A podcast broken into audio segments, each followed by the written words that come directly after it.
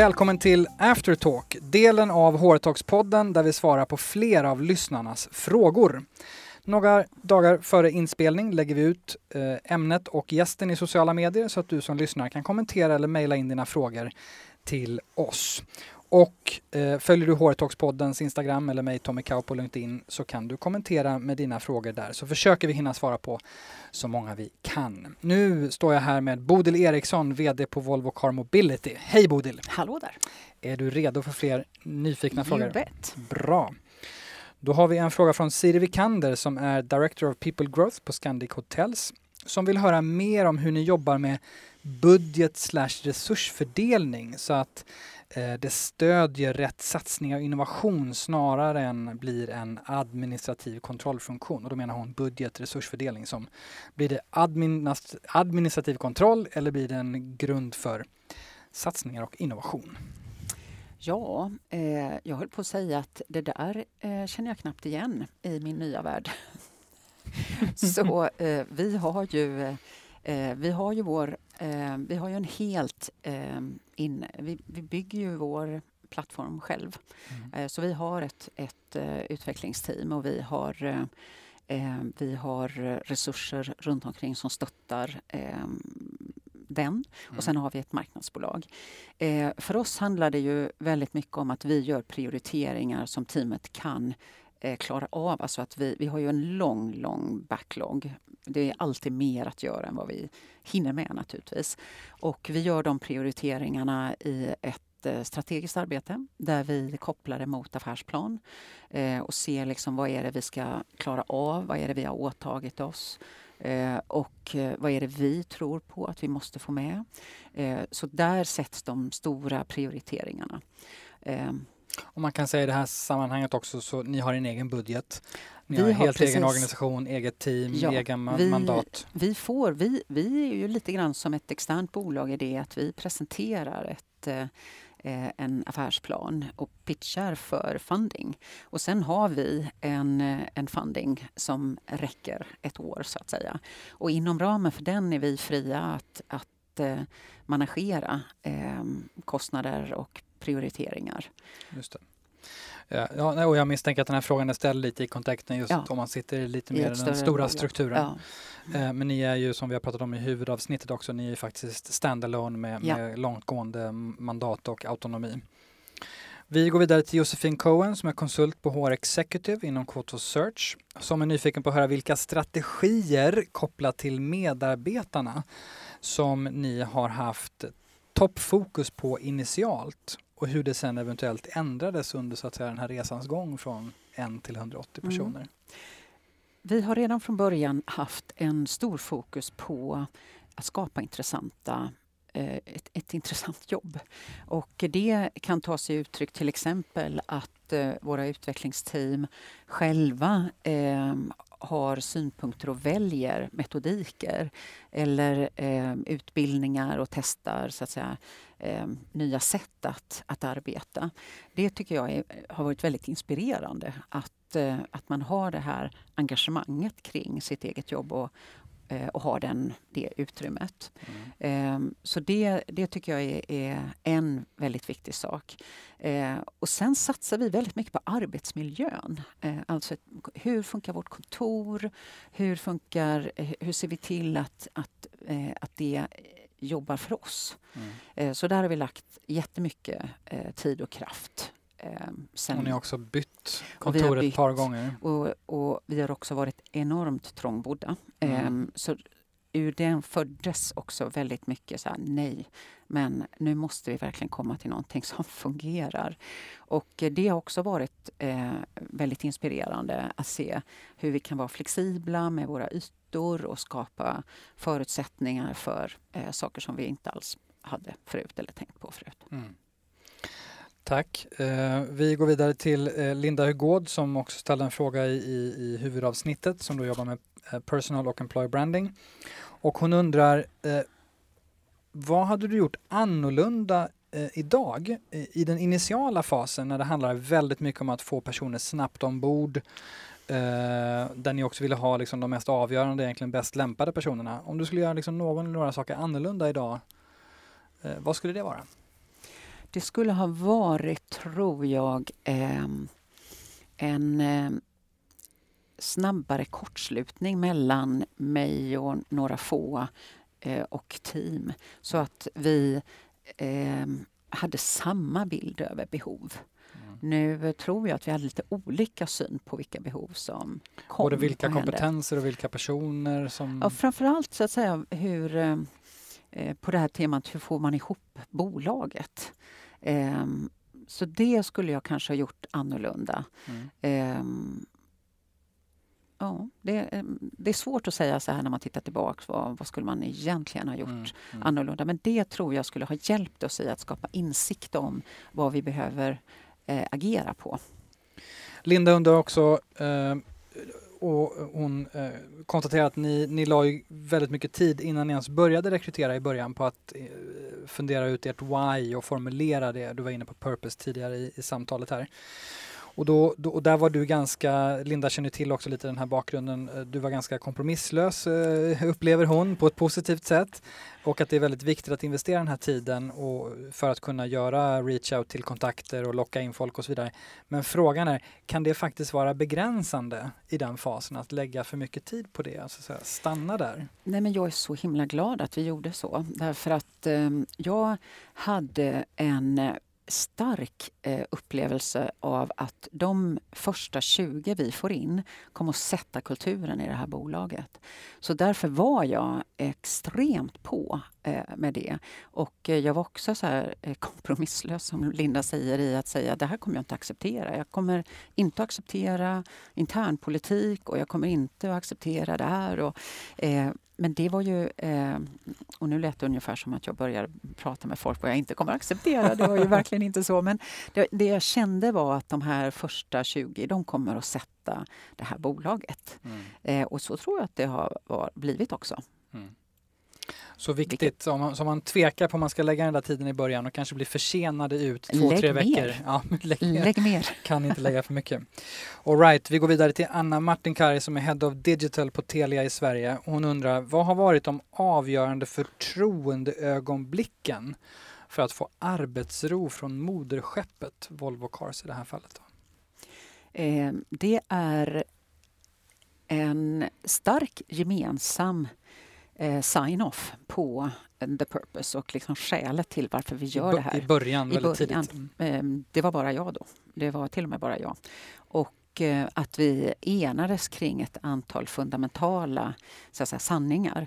Och sen eh, har det varit eh, väldigt mycket en fråga om att på ett lättfattligt sätt eh, skapa 100 transparens. Mm. Hur gör man det, tänker jag då?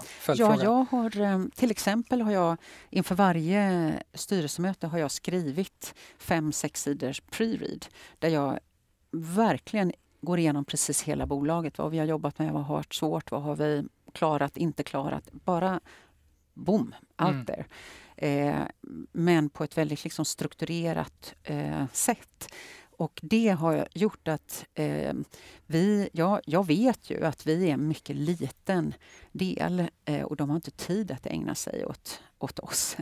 eh, men de gör så här check-ins och då mm. är det inte alltid säkert att de kommer ihåg allting som har hänt. Så, där. så att, eh, att hålla det här lite varsamt, så att säga, förstå deras arbets situation eh, och eh, alla de utmaningar de tampas eh, mm. och eh, arbetar med dagligen. Att ha förståelse för det och, och um, hämta ikapp och skapa, liksom bottna i vad är det vi kommer att jobba med mm. nu när vi ses och så.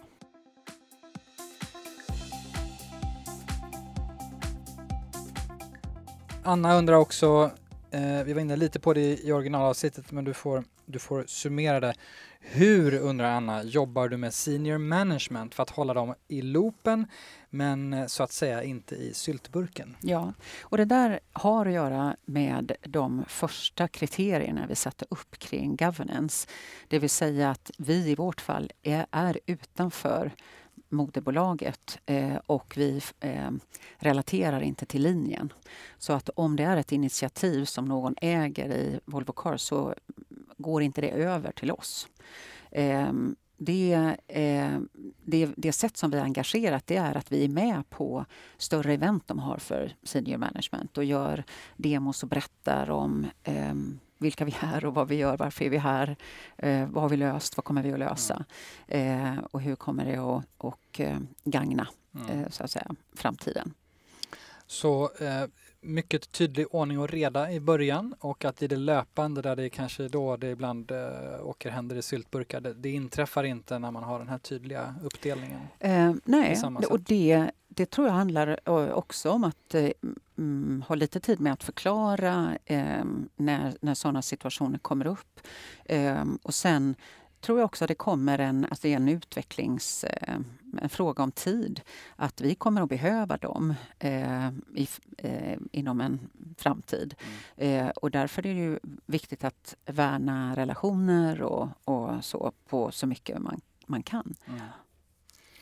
Och eh, Anna är inne på en sak som vi inte har hunnit prata så mycket om men som går mycket till, till, till dig och det är dina bästa tips för att reboosta din egen energinivå som konstant förändringsledare. Eh, för det här är en annan typ av resa än det du har gjort eh, ja. till stor del tidigare. Så hur reboostar du din energi för att orka? Ja, jag är ju eh, en sån då som eh, går ut i trädgården. Jag är väldigt trädgårdsintresserad. ja. Jag gör allting annat än tänker på jobbet. Alltså jag, gör, jag läser inte managementlitteratur eller eh, jag sätter mig inte och tar en hel kurs i att lära mig koda. Eller jag gör helt andra grejer. Jag, jag är en inspirations... Liksom jag är lite passionsstyrd människa, tror jag. Alltså jag behöver eh, inspiration och den finner jag på så många olika ställen eh, i, runt omkring mig. Litteratur, eh, vänner, samtal, trädgård. Eh, men inte eh, att titta på benchmark. Eller gå, ja. Eh, och eh, nyfiken följdfråga då. Eh, får du där och då många uppslag och lösningar på problem? Eller så ja, kreativa? det är helt, eh, jag är själv lite fascinerad över eh, var jag får uppslag från. Det är, men jag tror att någonstans så känner man sig själv och ska lyssna inåt. Vad är det du behöver när du känner dig lite låg på energi?